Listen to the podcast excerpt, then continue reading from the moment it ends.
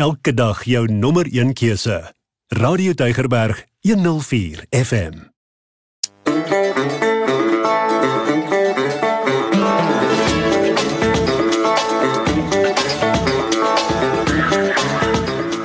Dis 2 uur op 'n Vrydagmiddag en as jy hierdie kenwysie hoor, dan weet jy jy kan maar nader staan.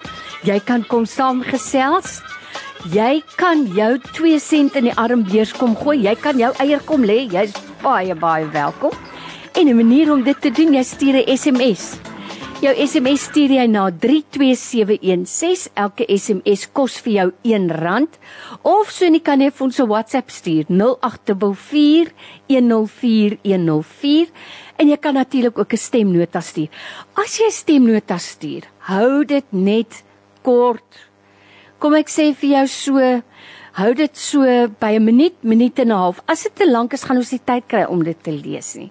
So, ek wil regtig vir jou vra om uh deel te neem aan die program. Dis die heel eerste ding. Ek wil regtig graag hê jy moet deelneem en dan wil ek hê jy moet vir ons jou SMS of jou WhatsApp stuur en as dit 'n stemnota is, dan doen jy dit net kort asseblief.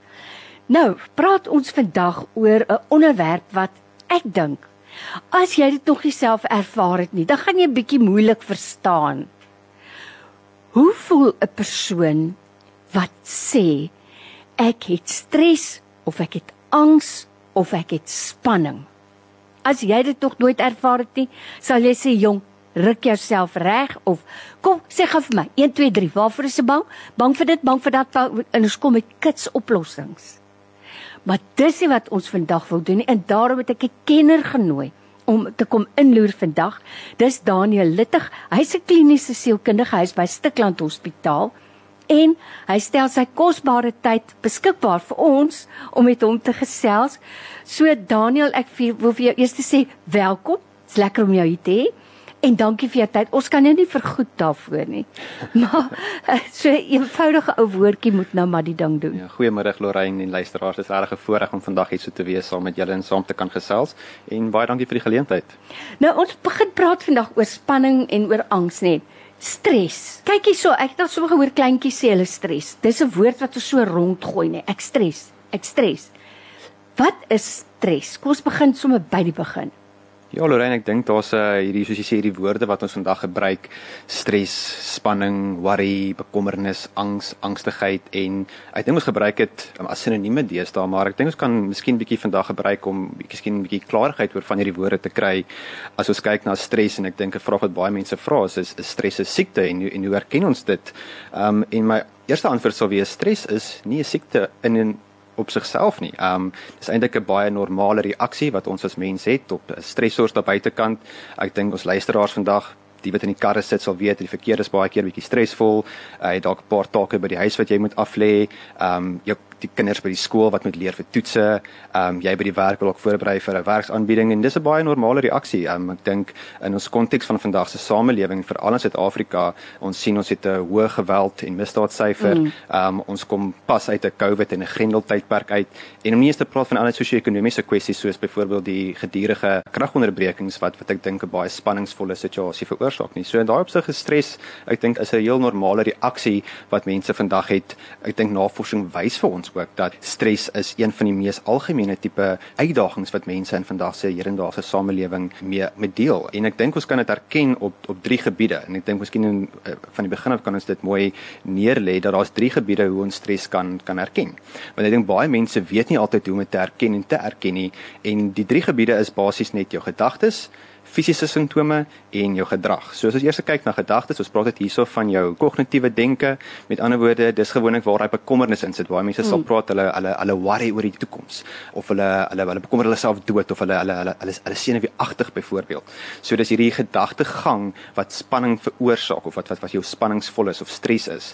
En fisies kan mens dan baie keer ook in jou eie liggaam as mens bietjie net ondersoek en doen 'n bietjie introspeksie kan jy besef dat die stres manifesteer op sekere dele ook van jou liggaam soos byvoorbeeld dit kan hoofpynne veroorsaak, nek en spierspasmas, hoë bloeddruk byvoorbeeld. So daar's 'n klomp fisiese simptome wat ook vir jou aanduiding gee dat jy miskien bietjie gestres is.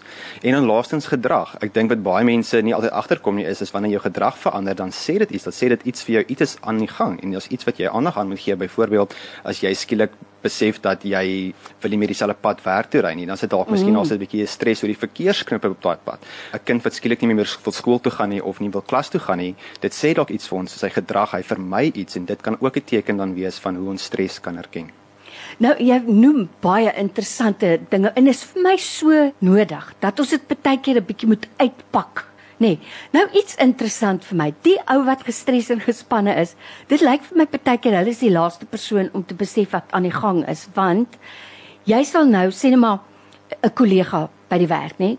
Die persoon is skielik kort af, kort van draad, ontplof vir die geringste ding en jy kan dit nie verstaan nie. En nou vind jy later uit, maar die ou het geweldige stres of spanning by die huis vrou het in die COVID tyd na haar werk verloor of wat ook al. Maar dit lyk vir my baie keer of die persoon wat midde in die situasie is nie altyd die kloutjie by die oor bring nie. En hoekom ek dit vir jou sê, want jy het dit nou so mooi uitgepak, nê. Nou sê jy ou, ek het die hele tyd maagpyn. Ek dink ek het iets geëet. O, oh, my my blaaie pyn so. Jy weet, ek het al gehoor as jy hartprobleme het, dan begin dit ookie by jou blaaie. En dan dan kyk jy baie keer en jy dink, maar besef jy nie Dan kom hy terug en hy sê die dokter sê ek het angs en spanning. So dit is definitief sodat dit eintlik uit rimpel na die res van die liggaam, nê? Nee. Ja, ja, verseker. Ek dink jy raak 'n goeie punt aan. Ek dink daar is vandag nog 'n groot kultuur en dit het te doen ek dink met stigma natuurlik ook, maar mense is nog baie keer geneig om nie te erken dat hulle altyd 'n probleem het nie. Mm. En ek dink wat baie keer gebeur is soos jy sê, ek dink veral met iets so stres, ons kan net mooi daar dink dis iets wat as ek dink aan een aspek wat dit jou kognitiewe denke affekteer, dan kan dit jou meer geneig maak om miskien nie die insig te hê om jou hand op te steek en sê actually ek het 'n probleem nie. En dan so raak dit raak jy al hoe dieper verstrengel in jou eie angs angstigheid dat jy nooit eens besef hoe ver jy dalk al uitgesak het totdat iemand dit vir jou pertinent uitwys, uitwys. of dat jy miskien by 'n gesondheidspraktisyn opeindig en dan word 'n diagnose miskien gemaak van 'n angsversteuring. Sjoe, dit is dit is net absoluut so waar en en weet jy wat ek dink partykeer dat mense om jou dit nie sommer ook vir jou sal sê nie en dit wat jy nou daar sê so waar vir 'n man om te kom erken ek het stres of spanning die samelewing wil mos nie dit by 'n man hoor nie en plus ek dink partytjie steek hulle dit ook weg vir hulle gesin. Want jy wil hulle nie ook gespanne maak nie. Maar nou uiteindelik gaan dit almal affekteer soos maar werk daaraan. Nou as jy nou net eers ingeskakel het. Dis Radio Tygerberg op 104 FM. Dis wat sê jy 2 uur op 'n Vrydagmiddag, dan gesels jy saam. So as jy 'n vraag het, ek het 'n sielkundige by my in die ateljee Daniel Littig. Hy's 'n kliniese sielkundige, maar die wonderlike ding vir my is, hy's ook jou boetie man, hy's my broer ook, hy's 'n kind van die Here ook. So dit is vir my, weet jy wat, dit is vir my lekker om te weet dat jy kyk na die hele mens. Baie dankie daarvoor. Hier sê 'n persoon: My dogter kry behandeling vir depressie. As kind was sy gemolesteer. Hoe kan ons haar help? Sy's baie bang. Sy bly alleen, maar sy wil nie iemand by haar bly nie. Ehm um, so dit is om haar te help, maar finansiëel kan sy nie cope nie. Nou jy weet, nou jy nog die bykomende spanning ook van finansies. Ja, shoot, dit is ek dink is altyd so, soos jy sê, mens kyk holisties na hierdie probleme. Mm. Dis altyd daai rimpel effek dink wat stres en soos jy nou genoem het in hierdie geval depressie ook het, is dit 'n effek op jou gesondheid wat dan ook 'n effek kan hê op jou psigososiale funksionering wat dan ook 'n effek het miskien op jou finansiële grond ook. Ek dink met daardie voorbeeld, ek dink is wonderlik om te hoor dat die persoon wel behandeling ontvang en dat daar al 'n diagnose gemaak is ja. en miskien vir ander mense wat ook inluister, ek dink wanneer wanneer jy agterkom dat met jouself en met anderster daar daar iets skort en jy kan agterkom hulle is dieselfde as wat dit dalk was nie. Daar's 'n beduidende verandering in voorheen wat ons sal klassifiseer as ehm um, normale funksionering. Dan dan is dit baie keer goed om weet miskien dit verder te vat en te dink kan ek miskien hierdie persoon kry by 'n dagkliniek of 'n instapkliniek of 'n daghospitaal en miskien met 'n gesondheidspraktisyn praat en miskien hoor wat se stappe wat mens verder kan neem. Want die goue standaard vandag is dat medikasie saam met terapie is gewoonlik 'n baie goeie metode om mense te help mm mm. om hulle te versterk met sowel medikasie maar ook met hanteringsmeganismes om hulle te help om deur die depressie en die angstigheid te werk. En ek dink die ander ding wat met onthou met met met iets so stres, dis nie iets wat gaan ooit gaan weggaan nie. Ons soos ek gesê, dis 'n normale reaksie wat ons het en wat ons almal ervaar. Die, die uitdaging kom in wanneer dit kronies begin raak en wanneer jy begin agterkom dat dit die tydstuur is baie lank, jy sukkel miskien om af te skakel en dan kom jy agter dit het 'n impak op jou funksionering. Nou daai ding, dit is en ek wil nou nou weer aanhaal daarbey. Dis 'n baie belangrike ding. Want ek onthou toe ek nog studeer het, dan het die ou lektor altyd gesê, stres is nie altyd sleg nie. Hy sê, hier's my kitaar. As die snare pap is, dan gaan hy nie 'n geluid maak nie. Ons moet daai snare lekker opwen, dan gaan ons die beste geluide uitkry. So ons gaan 'n bietjie praat daaroor dat stres is ook nie altyd noodwendig sleg nie. Hierdie persoon sê kennis is mag. Ek moes alself ook tegnieke aanleer om spanning beter te hanteer. Een van die beste tegnieke wat ek aangeleer het, is om te bid. Dankie Here dat ek nie kan nie, maar U in my gee my die vermoë of die krag. Mooi, nê? Nee? Dis pragtig, ja. Sjoe, en ek iets wat ek ook daarby wil sê is dat 'n mens wanneer jy spanning het in die aand as jy wil slaap. Nou moet 'n mens moet baie keer bietjie prakties wees, hè. Ek dink soms is ek miskien te prakties vir party mense se beswil, maar dan voel ek 12 uur in die nag kan ek mos nie nou gaan die bank gaan oopmaak en met die bankbestuurder dit en dat bespreek. Ek kan nou net mooi niks daaraan doen nie. 12 uur in die nag kan ek niks doen nie. So wat kan ek doen? Ek kan 'n 'n psalm opsê oor en oor tot ek kan party mense sê tel skape, twakman. Sê Psalm 23 oor op in Engels en in Afrikaans. Ek weet nie of jy daar gaan ek het 'n audio Bybel wat ek graag luister en elke oggend moet ek vir my man sê Ja, Tom Dooley het nog nie eers by die Nuwe Testament gekom toe ek al wegvoer. Dan moet ek in die oggend weer die audio Bybel luister. So, daar is tegnieke. Baie dankie daarvoor. Ons vra vir jou om saam te gesels. Ek het 'n sielkundige, kliniese sielkundige hier by my in die ateljee, Daniel Littig. En man, dis nie elke dag wat ons die voorreg het nie. So as jy 'n vraag het, stuur vir my SMS na 32716. Elke SMS kos vir jou R1 of so net kan jy vir ons 'n WhatsApp stuur 0824104104 en dan moet ek vir jou ook sê jy kan 'n stemnota stuur. Hou dit net kort want anders gaan dit nou vir ons almal pla as jy dit te lank hou. Hierdie persoon sê ek wil net graag weet. Ek het 12 jaar gelede hoëgraad depressie opgedoen terwyl ek swanger was uh, met my dogter. Sy's nou 12. Ek wil net graag weet kan sy ook iets opgedoen het deur die medikasie wat ek destyds geneem het. Sy's 'n baie sensitiewe kind. Sy's baie teruggetrokke. Sy bly ook naar en sy kry blackouts. Wat staan my te doen as ouer? Ek is baie bekommerd. Ek dink dit ek wil weer eens net uitlig in daai situasie. Ek dink dit is my wonderlik om te hoor dat daar 'n ouer wat empatie toon en insig toon in die kind ja. um, en en hulle in die geskiedenis van hulle self. Mm. Want ek dink dis iets wat baie keer wat ouers mis en dan is dit maklik om te sê die kind is moeilik of die kind is stout of of so en en nie bewus te wees miskien van 'n geskiedenis wat kan bydra tot daardie gedrag nie. En ek dink op daai nota dit is dit klink vir my asof sy vra dat daar miskien is daar miskien 'n mediese of 'n genetiese rede dalk selfs dat dat dat die kind ook dalk ehm um, depressie kan hê en ek dink dit is 'n goeie vraag om te vra in 'n gesprek om te hê om dit te kan bespreek met 'n met met 'n dokter of 'n psigiater selfs om 'n bietjie meer klarigheid oor dit te kry en as hy agterkom dat die dogter se funksionering vir haar kommernis veroorsaak om dan ek dink iets daaraan te doen. Ek dink so dit begin by eers dit te identifiseer. So die hand is opgesteek en te sê daar's iets daar's 'n probleem. Dit is baie goed dat sy dit optel, nê? Nee. Ja. Dis uitstekend. En ek dink dis iets wat ongelukkig baie baie ontbreek in ons samelewing vandag ouers wat nie daai verhouding en kommunikasie met die kind het om dit eens te kan besef nie. En om dan wanneer mens dan aksie vat om dit dan ek en ek dink dis deel van ons gesprek vandag is daai bewusmaking te maak dat daar is kanale om te volg om hulp te kry. Ek wil tog ook net vra na aanleiding van haar vraag. Dit klink ook vir my 'n deel van die vraag is omdat sy destyds medikasie gebruik het, is sy nou bang dat dit dalk die embrio kon beïnvloed. Jy weet ek kom ek sê nou vir jou so nê. Dis nou een ding van 'n ma. Ek dink jy pa sommer so nie. Maar 'n ma sal altyd gaan kyk, waar het ek iets verkeerd gedoen? 'n Ma soek maar altyd is is nou maar net hoe dit is nie. My tannie het altyd gesê, 'n vrou gaan haal altyd die pak slaaf vir haarself. 'n bedoelende om dit op haarself te laai. Ja. So kom ons praat net gou daaroor. Mm, ja. Die medikasie wat jy gebruik vir depressie wanneer jy swanger is. Ja. My my verstaan is dit is nie heeltemal my ekspertise nie, maar my verstaan is is dat wanneer 'n uh, 'n vrou swanger raak, dan is daar gewoonlik 'n gesprek met die pediater en dokter mm. om seker te maak dat die medikasie waarop is vir alles dit psigiatriese medikasie is, dat dit nie 'n effek sal hê op die op die ongebore baba nie.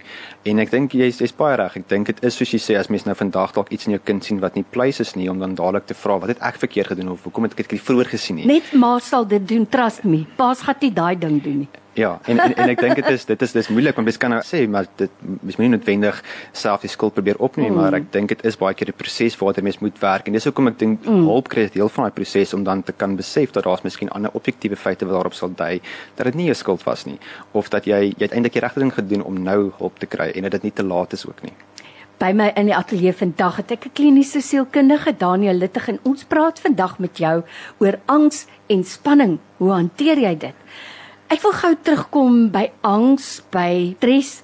Dis nie altyd 'n slegte ding nie, nê? Nee. Ek dink dit is dit is soos ons ons moet ek dink ons moet definitief stres normaliseer en ook sê dit kan positief gebruik word. As mens net so vinnig dink in in in wetenskaplike en biologiese terme is dat wanneer mens gestres raak, dan word daar sekere hormone afgeskei soos adrenalien en kortisol wat 'n mens help fokus. So as mens dit vat, dan kan mens miskien dit verder vat. So as mens dan daai hormone mens help om gefokus te wees, dan kan dit ook mens kan dit sien as 'n motivering. Want nou is dit byvoorbeeld jy moet dalk studeer vir 'n eksamen, jy moet leer vir 'n toets by die skool, jy berei voor vir 'n werksaanbieding of jy dalk klomp take by die huis wat jy moet verrig. Nou daai spanning is amper 'n motiveerder dan om jou mm. te kry om gefokus te wees en die werk te doen mm. en klaar te kry. Ek dink 'n baie algemene voorbeeld as ons kyk net na ons sportsterre, tennis of of rugby of netbal, dan sit baie keer ons sal sien hoe ons sportsterre voor die tyd ook vlinders op hulle maag het en jy kan Natuurlijk. sien hulle is baie gefokus mm. gewees en dit sal eintlik vreemd wees as hulle vir jou sê na tyd hulle was nie gestres mm. of gespanne voor die wedstryd nie. Hasta mañana. Nee. Hmm. Want jy weet ook dit help jou om vinnig te dink en vinnig besluite te neem. En en baie mense het al agterna gesê, ek het nooit geweet ek het soveel krag nie. Ek kon dit of dit doen. Ek het nie geweet ek kan oor 'n hoë muur spring nie. So dit is nie altyd 'n slegte ding nie. Ja, Dis Radio Tygerberg op 104 FM. Dis ons lekker geselsie hierdie tyd van die Vrydagmiddag om te hoor wat sê jy. So kom ons hoor wat sê jy.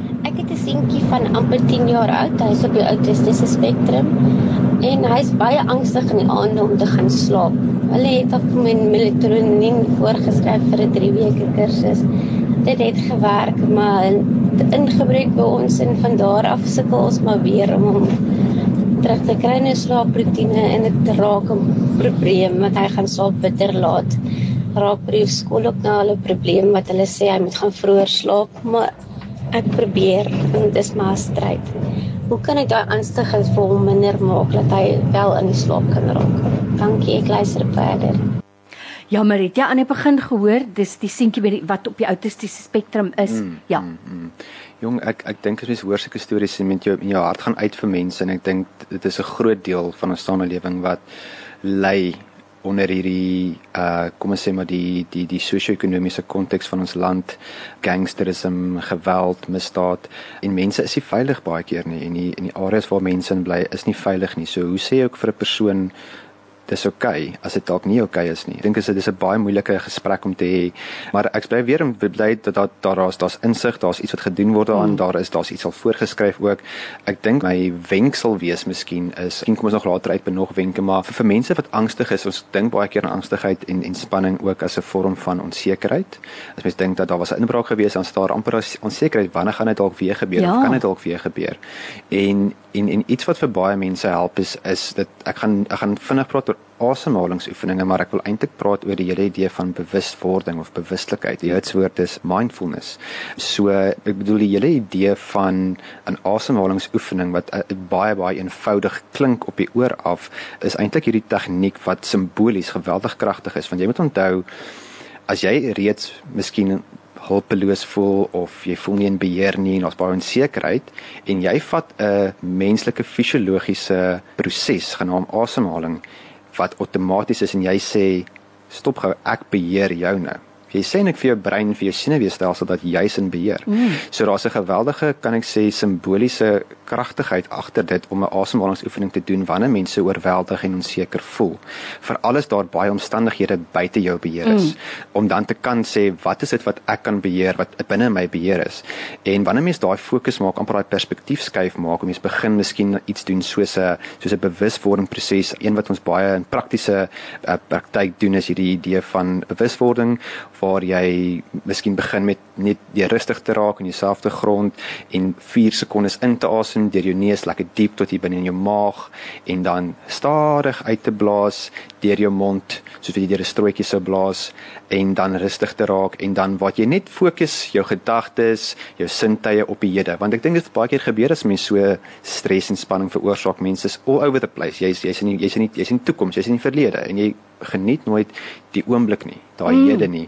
En en miskien met met met 'n kind ook om want dit is 'n baie praktiese ding ook om te doen is dan om hierdie oefeninge saam te doen wat mense dan in die aand miskien sal sit en 5 of 10 minute lank sit en net rustig asemhaal net daai bewuswording doen van wat is dit wat ek nou voel wat ek hoor en wat ek proe wat is my gedagtes? Dis nie dat jy jou gedagtes iets meer eens wil doen. Jy wil net eintlik erken, okay, ek voel angstig of ek voel bietjie bietjie bang. En so baie keer is bewuswording is nie om die die einddoel is nie noodwendig om positief te voel en en dis meer 'n idee te gee om bietjie lig te skyn op daai angstigheid byvoorbeeld in hierdie geval en dit ligtheid te gee want wat ons dan sien is is baie keer dat die reaksie is dan dat die liggaam in 'n in 'n proses kom waar hy besef hy hoef nie te veg of te vlug nie en hy kan net ontspan.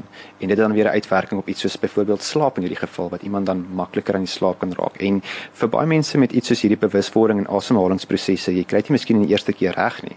En dis oukei okay. dit is dis eintlik heel alright. Dit is met mens probeer weer. En so jy eintlik wat jy terugkom na is, is jy's gaaf met jouself. So jy oordeel nie jouself en ag nee, ek kry dit reg nie of ag nee, dit werk nie. Probeer weer en jy probeer jy bring jou gedagtes terug na die Here toe. En ons sien baie duidelik in navorsing hoe hierdie proses wat so eenvoudig is, help vir angs, vir depressie, vir trauma, vir woedeuitbarstings. So ek dink die wetenskap is ook goeie ja, bewyse vir dit. Nou ek kan vir jou sê toe ek 'n student was, net ek nou lekker geld gemaak met die storie. Kyk, 'n student wil altyd ekstra geld kry. So hulle het toetse gedoen by die universiteit en hulle het gekyk of jy jou hartklop kan verlaag sonder om stadiger asem te haal, sonder om jou oë toe te maak of te ontspan. So hulle het gekyk of jy dit amper bewuslik kan doen. Ek het geld gemaak soos bossies want ek het myself geleer om dit soos jy nou sê dat jy amper wat noem mense dit te spontane wat is jou liggaam seker goed wat hy doen wat jy nie eers van bewus is nie. Ja ja. Waar jy dit amper kaap en sê maar ek gaan dit nou bewuslik doen. Jy ja. kan dit doen. Ja. Maar nou dink ek hieraan. Jy weet daar's by huis ingebreek. Ek sê vir jou vir ouers is dit geweldig ja. spanningvol. So miskien tel 'n kind daai spanning op mm. ook. So ek dink miskien moet mense dit dalk ook uitpak en sê maar daai slegte mense kom nie weer nie. Weet ek ek mm. dink mense moet daaraan dink. Maar daai asemhaling tegnieke maak vir my geweldig baie sin. Mm. En dan moet ons as ouers miskien ook dan en ek ek seker hulle eh, wel onthou net 'n ouer wat hierdie tipe vra vra sê vir my dis 'n ouer wat invested is definitief, in hulle kind ja, al klaar. Ja. En wenke kan net help. Soos byvoorbeeld dan moet ek as ouer ook mas na sekere tyd geen hmm. elektronika aan hê nie en net hmm. self jy het dit nou gesê, self sê kom ons doen dit saam. Ja. Ja, hoe mooi is dit nie? Baie dankie vir jou vraag. Hierdie persoon sê, "Does calming tablets for a long time to be able to fall asleep can it affect one's brain in the long run is there something else you can advise so, so ek weet baie mense neem kalmeermiddels slaap hulle en jy het nou die vraag ek dink jy verstaan die die die vraag hmm. Ja, ek ek dink wat wat ons baie sien veral by die klinieke waar ons werk is is dat mense buiten behalwe die medikasie vir die dokter hulle baie keer opsit of voorskryf dat hulle ook ietsie saam met gebruik en dan sit baie keer hierdie herbal tablette oor die vir, toonbank goed. Oor die toonbank wat kon sy dan nou help vir vir angs en so en ek het nie noodwendig dat ek nou opinie oor dit het nie. Ek dink my standpunt altyd net solank jy met jou dokter bespreek het, mm. dan dan behoort dit oukei okay te wees. Ek ek ek dink dis wat die ding met angs is baie keer dit is soos ek nou genoem het 'n deel van dit kan met medikasie tablette hanteer word, maar soos ek dink wat daai persoon net wat hulle vra is is is daar miskien ook ander hanteringsmeganismes mm. wat mens ook kan implementeer wat jou kan help om te slaap in die aande sodat die medikasie in op sigself ook nie 'n krik raak en dis al maniere hoe jy aan die slaap kan raak nie. Die persoon noem 'n ander punt. Ek dink dit is wat hulle gevra het nie, maar ek dink dit is miskien belangrik om te noem ook dat uh, die langtermyneffekte van stres en spanning wat die impak het dit op ons gestel. Ehm um, en ek dink ons praat oor ons het 'n bietjie gepraat om dit te normaliseer en dat dit positief gebruik kan word, maar hierdie 'n kroniese tipe spanning en 'n kroniese tipe van uitputting wat 'n mens kan ervaar. Kyk as jy dink aan stres, wou is dit nou omskakel miskien in miskien 'n angs of 'n angsversteuring mm. en dis 'n langtermyn dan kan dit ander gesondheidseffekte hê wat dit hartkwale kan veroorsaak, hipertensie en ook die die vrystelling van byvoorbeeld kortisol, die langtermyn effek wat dit het op die brein en geheue en konsentrasie is ook al heelwat goed bewys dat dit negatief is. So dit is belangrik dat ons maniere kry om daai angs en stres te kan bekamp en te kan beheer. Wel, ek moet weer sê dit was my interessant. Ek het nou die dag het my man vir my gesê in een van sy mediese artikels het hulle begin toets en navorsing doen dat stres gevaarliker is vir jou gesondheid as rook byvoorbeeld. Dit was vir my nogal 'n eye-opener. Sure. So stres, soos jy nou sê, het langtermyngevolge ook op jou gesondheid. Ons het nou net maar net gesels oor lekker asemhalingsoefeninge, tegnieke wat jy kan beoefen om jou stres te verlaag. Jy weet, ek dink Daniel, iemand wat vir jou sê nee wat jong, ek ek raak nooit gespanne nie. Ja, toe.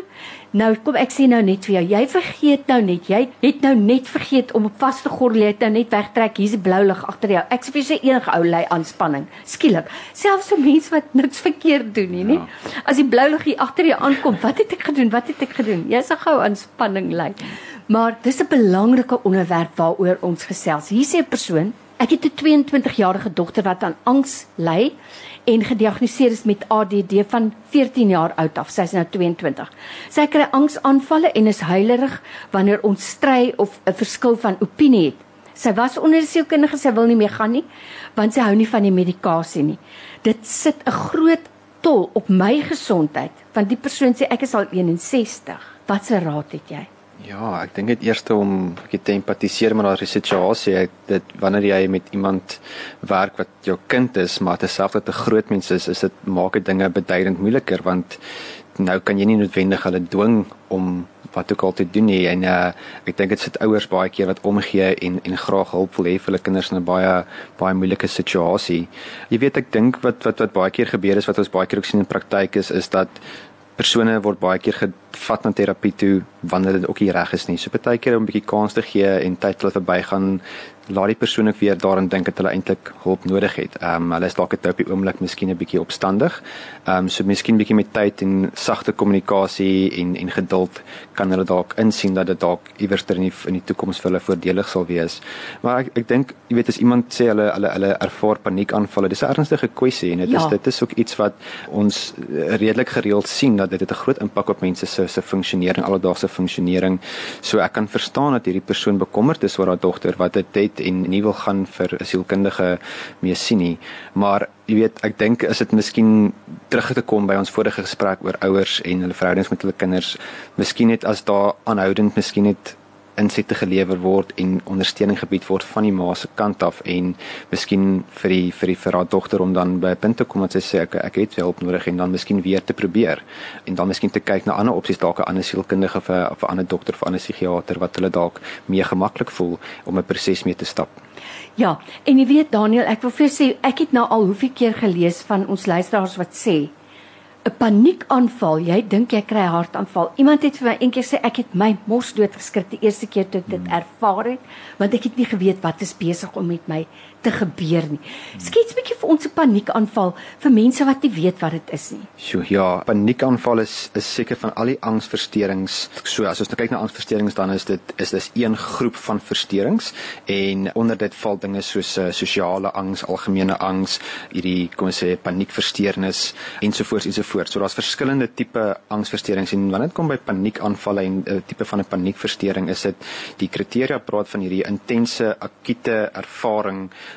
wat 'n piek bereik binne 'n paar sekondes of 'n paar minute waar jy voel jy kan nie asem kry nie, tintelende sensasies in jou hande. Jy het voel vir party mense hulle verloor hulle kop, hulle gaan heeltemal van 'n trolley af. Hulle is besig om dood te gaan. En die realiteit is is dat dit nie sal gebeur nie. Dis wat dit dat hierdie wat hierdie so moeilike 'n steurnis maak is jy gaan nie doodgaan nie. Jy jy gaan nie hartaanval kry nie, maar dit voel letterlik vir jou mm. so en dis wat dit vir mense wat wat dit baie moeilik moeilik maak is wanneer hulle daai sensasies sien goed, maar dis geweldig, geweldig dramaties um, en dis dramaties verseker en vir ander mense wat dit ook sien en beleef is dit ook wat doen jy met daai persoon want in daai oomblik wanneer dit daai is dit is 'n tipe van 'n akute respons en dis baie keer wat mense sê hulle ervaar dit uit die bloute uit ook. Mm. So dis nie altyd iets wat hulle kan regtig nou sê o, ek kom dit miskien nie en en ek dink dit is ook wat dit wat dit baie onaangenaam maak en dan wat wat dit vir mense baie bang maak is dan dat hulle bang is hulle kry dit weer 'n keer miskien in die publiek ja. of of by 'n ja, konferensie of by die skool voor ander mense mm. en dit raak dan 'n baie inperkende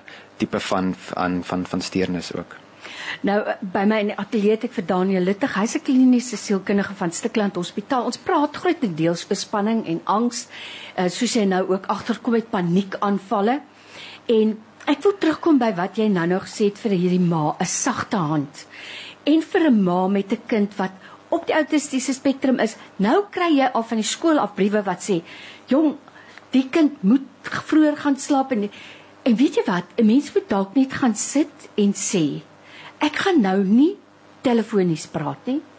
Ek gaan nou sit en skryf sodat ek my gedagtes, my eentjies nou mooi in 'n ry kan kry en sê, "Baie dankie vir julle kommer." Maar kom ek skets gou vir julle my realiteit en dan skets jy vir hulle jou realiteit. Hmm.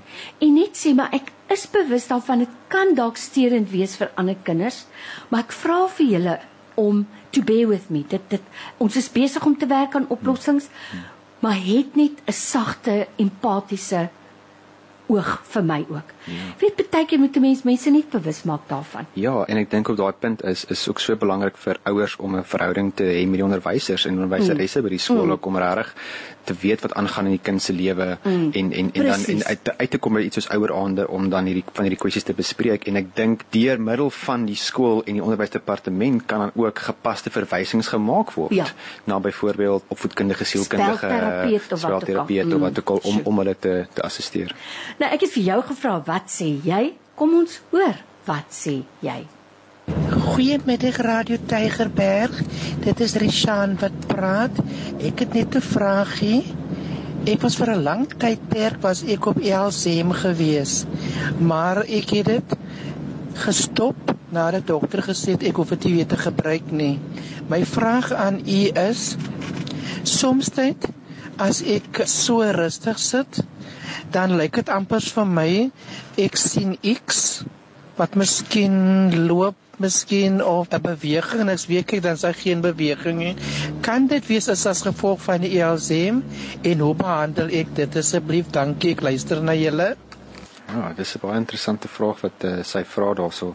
My verstaan is van as mense op medikasie was en en daar word 'n daar's 'n gesprek met die dokter ook om dit miskien aan te pas of af te gaan van dit ook, dan is dit altyd 'n gesprek met jou dokter, is nie so dieselfde nie. So ek bly om te hoor dat daar lyk my daar klink van daar was 'n gesprek met die dokter, maar ek dink wat wat die persoon nou sê is is dat hulle ervaar nou tipe van 'n uh, visuele bewegings wat as hulle vir dit kyk dan is dit nie daar nie. Amper sulke skei en verdwyn en ek en ek is bly om te hoor die persoon dink daaraan en vra vra wat doen 'n mens? En dit dit klink vir my mens mens moet nie noodwendig die Bobbejaan agter die pult gaan haal en, en, en natuurlik jou net meer gestres uh, gespanne maak oor dit nie. Maar dit mag dalk 'n goeie idee wees dat as jy agterkom dat hier is iets wat jou pla wat nie normaal is vir jou nie wat nie voorheen daar was nie soos om goed te sien en dan miskien net so gou as moontlik by jou naaste dag hospitaal of dagkliniek uit te kom en daar met die een van die gesondheidswerkers te praat en en te hoor miskien of jy afspraak kan kry by die dokter dat hulle miskien net weer vinnig 'n check-up doen en net kyk of alles mm. oukei okay is en miskien wat die beste pad vorentoe sal wees. Ek is baie bly jy sê dit want weet jy wat ek dink die feit dat jy nog bekommerd daaroor is, is sê vir my dis fyn. Jy's okay. Maar dalk met die medisyne net weer aangepas. Ek weet baie keer gaan mense vinnig van dit af. Woep wap klaar. Terwyl jy moet besef dit was lank in jou gestel. Ek kan nie net sommer vinnig afgaan nie. So ek is baie bly. Ja, maak 'n draai daar. Hierdie persoon sê, my vorige vraag, die persoon het gesê my dogter, onthou die een wat gemolesteer was wat nou sukkel met angsversteurings, moet ek 'n sielkundige gaan sien want moet ek 'n sielkundige gaan sien want dinge raak vir my as ouer ook te veel ek blameer myself. Ek het ook in 'n tyd van 3 maande my man en kind verloor en ek het begin hartklopings kry. Sjoe, Ja, Ja. ja. ek dink dit is dit is dis iets wat ons baie in ons konteks sien. Ons praat nou miskien baie oor hoe kan jy vir die kind omgee of die kinders mm. omgee. En ons moenie vergeet dat ouers ook deur geweldige stres en spanning gaan wanneer die kind hierdie gebeurtenisse ervaar en so nie en hierdie hierdie persoon praat dat hulle self klink vir my deur traumatiese tye gegaan het van verlies en verlies op verlies en ons weet dat dit dit dit dan 'n ouer se se se hele al hulle hulpbronne ook uitput. So dan is daar minder om te gee vir die kind. So dis belangrik vir ouers om ook hulle self te versterk en hulle self te op te lei sodat hulle vir na hulle self kan kyk want al hoe jy vir iemand anders te kan kyk is as jy na jouself eers te kan kyk en vir jouself kan sorg want ons is uh, wat hulle sê in Engels 'n finite resource. So mm. hoe meer jy van jouself gee vir ander mense, hoe minder het jy vir jouself oor.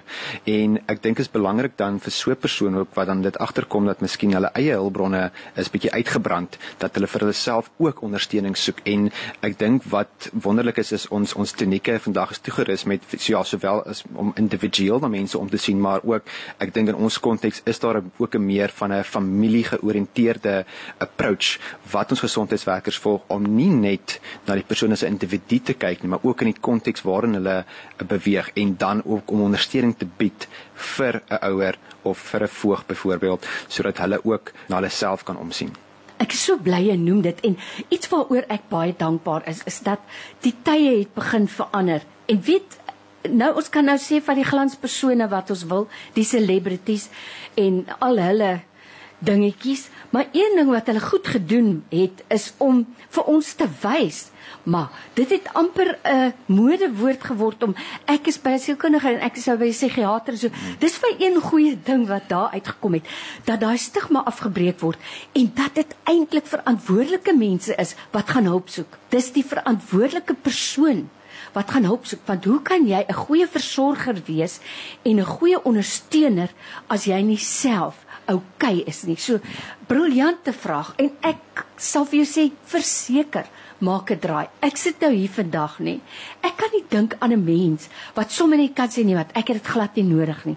Want hier sit nou by my in die ateljee sit 'n sielkundige wat ook 'n wedergebore Christen is wat vir jou as 'n hele mens wil sien en nie nog skuldgevoelens op jou wil laai nie. Ek is regtig so dankbaar vir jou tyd vandag. Dankie. Hierdie persoon sê Dankie vir 'n heerlike geselsie. My man is die tradisionele man wat nie werklik drink Ag jammer, nie werklik dink, jammer dink. Wat nie werklik dink of glo. Hulp of berading is nodig nie. Hy's 'n baie goeie pa en man, maar sy woede en ongeduld is iets wat ons as gesin en ook ons huwelik skade aanbring.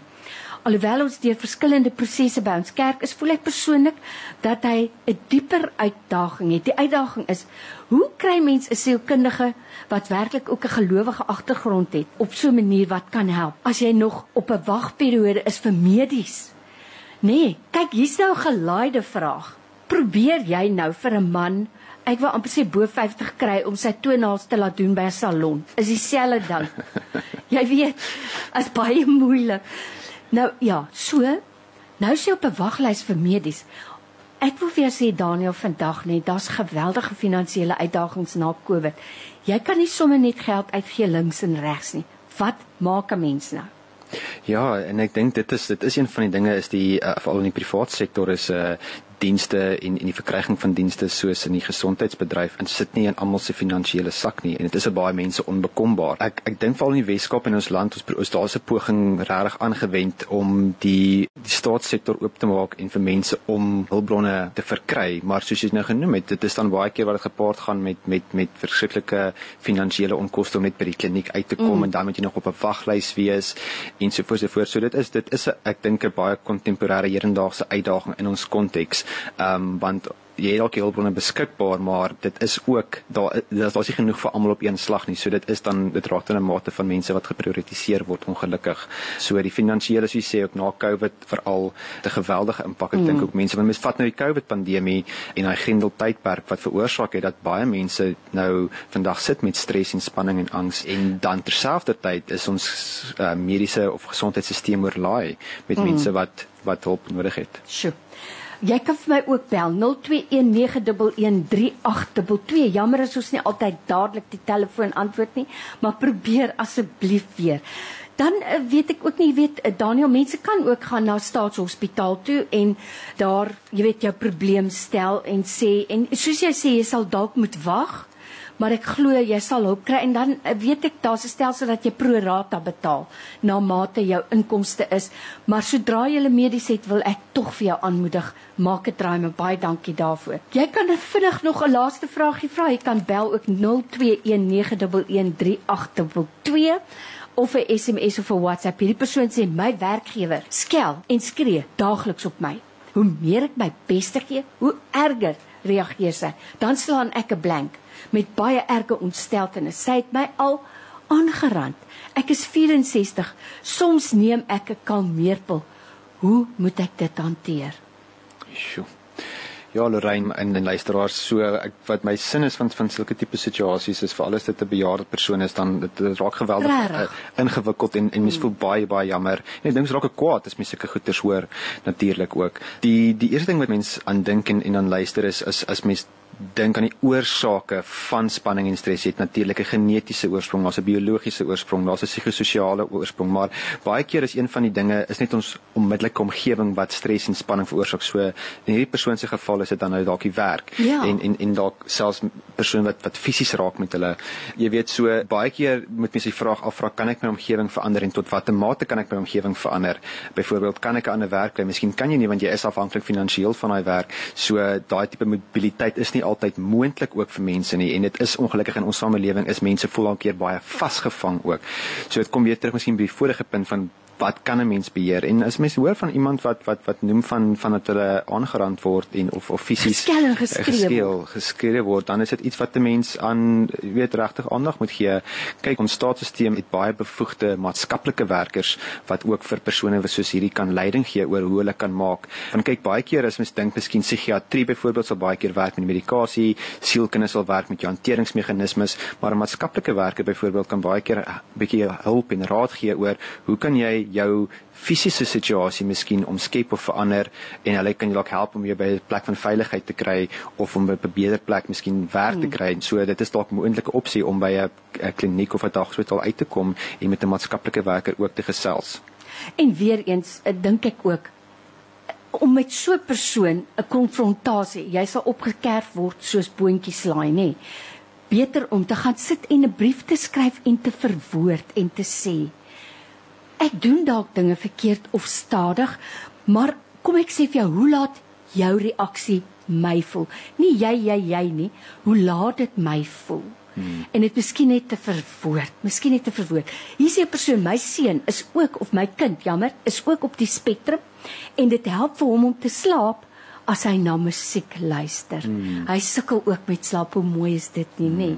en dan sê hierdie persoon my seun het 'n traumatiese insident gehad en hy sukkel nou om te slaap en hy het woedebye maar hy weier om iemand te gaan sien hy's 18 dis ons laaste vraag kom ons sluit af met dit Ja, ek dink dit kom weer terug na daai vorige persoon toe. Daar's baie dieselfde klink vir my dieselfde tipe van opstandigheid amper dat die persoon nie mm. altyd iemand wil gaan sien nie. En ek dink dit kan begin met 'n gesprek met die ouer en die kind miskien oor hoekom is daar so wat so in Engels genoem resistance? Wat is dit wat mm. vir jou miskien moeilik maak of uitdagend maak om met iemand te praat? So mens wil as ouer baie keer oorgaan tot aksie sê, jy sal iemand sien, jy moet iemand gaan sien en ek reël vir jou afspraak.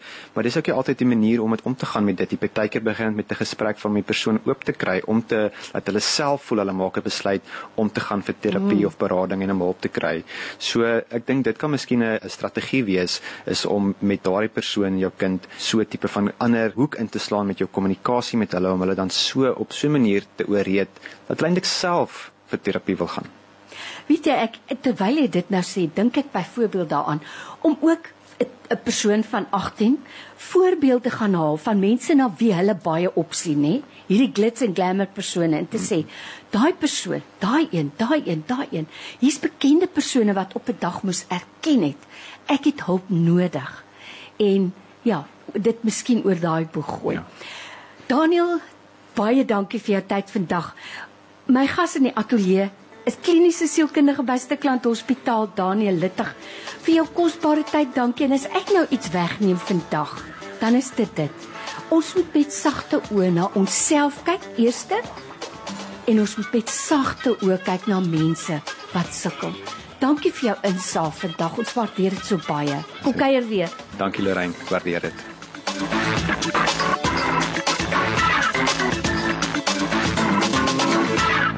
Jy is ingeskakel op Radio Tygerberg 104 FM.